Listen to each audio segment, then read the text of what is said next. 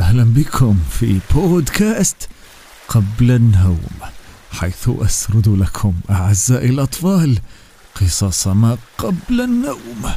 لقد وصلت للتو إلى هذه الجزيرة. الأمواج أخذتني.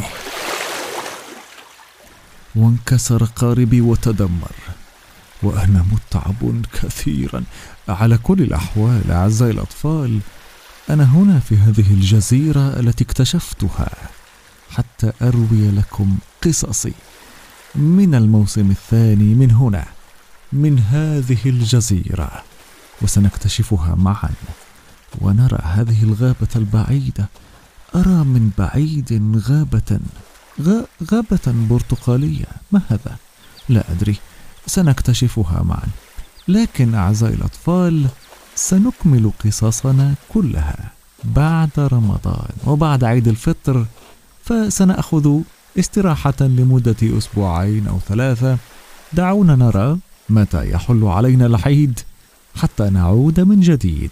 وهذه الرسالة كانت فقط لمتابعي بودكاست قبل النوم المخلصين. الذين يتابعوننا في كل خميس ويسمعون كل القصص. لهذا أردت أن أخبركم أين صرت الآن وحتى ذلك الحين. لا تنسوا أن تشتركوا في قناتنا في يوتيوب وتتابعوا حسابنا في إنستغرام وأن ترسلوا رسائلكم إذا أردتم أن تسمعوا أصواتكم على صفحة بودكاست قبل النوم في تطبيق أنكور. لا تنسوا أسنانكم تغسل كل يوم قبل النوم. سأذكركم فيها لاحقا أيضا.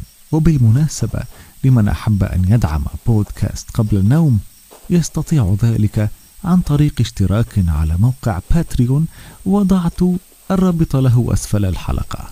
نستمع إلى بعض الرسائل التي وصلتنا في هذه الجزيرة بعد العيد.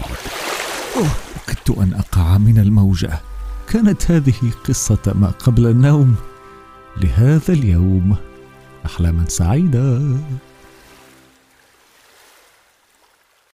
مرحبا يا عم عبد الرحمن. أنا اسمي توقع أنا صمت يوم الخميس مع أهلي وفطرت رز. مرحبا يا عم عبد الرحمن.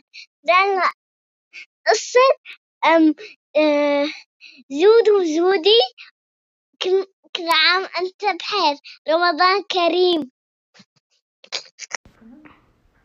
أهلا بكم في بودكاست قبل النوم. أحلى قصة عندي. الخياطة.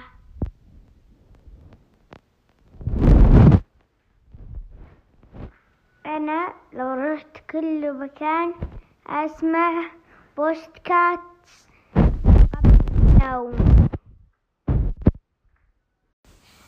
السلام عليكم عم عبد الرحمن. أنا ياسمين من الأردن. كل عام وأنت بخير.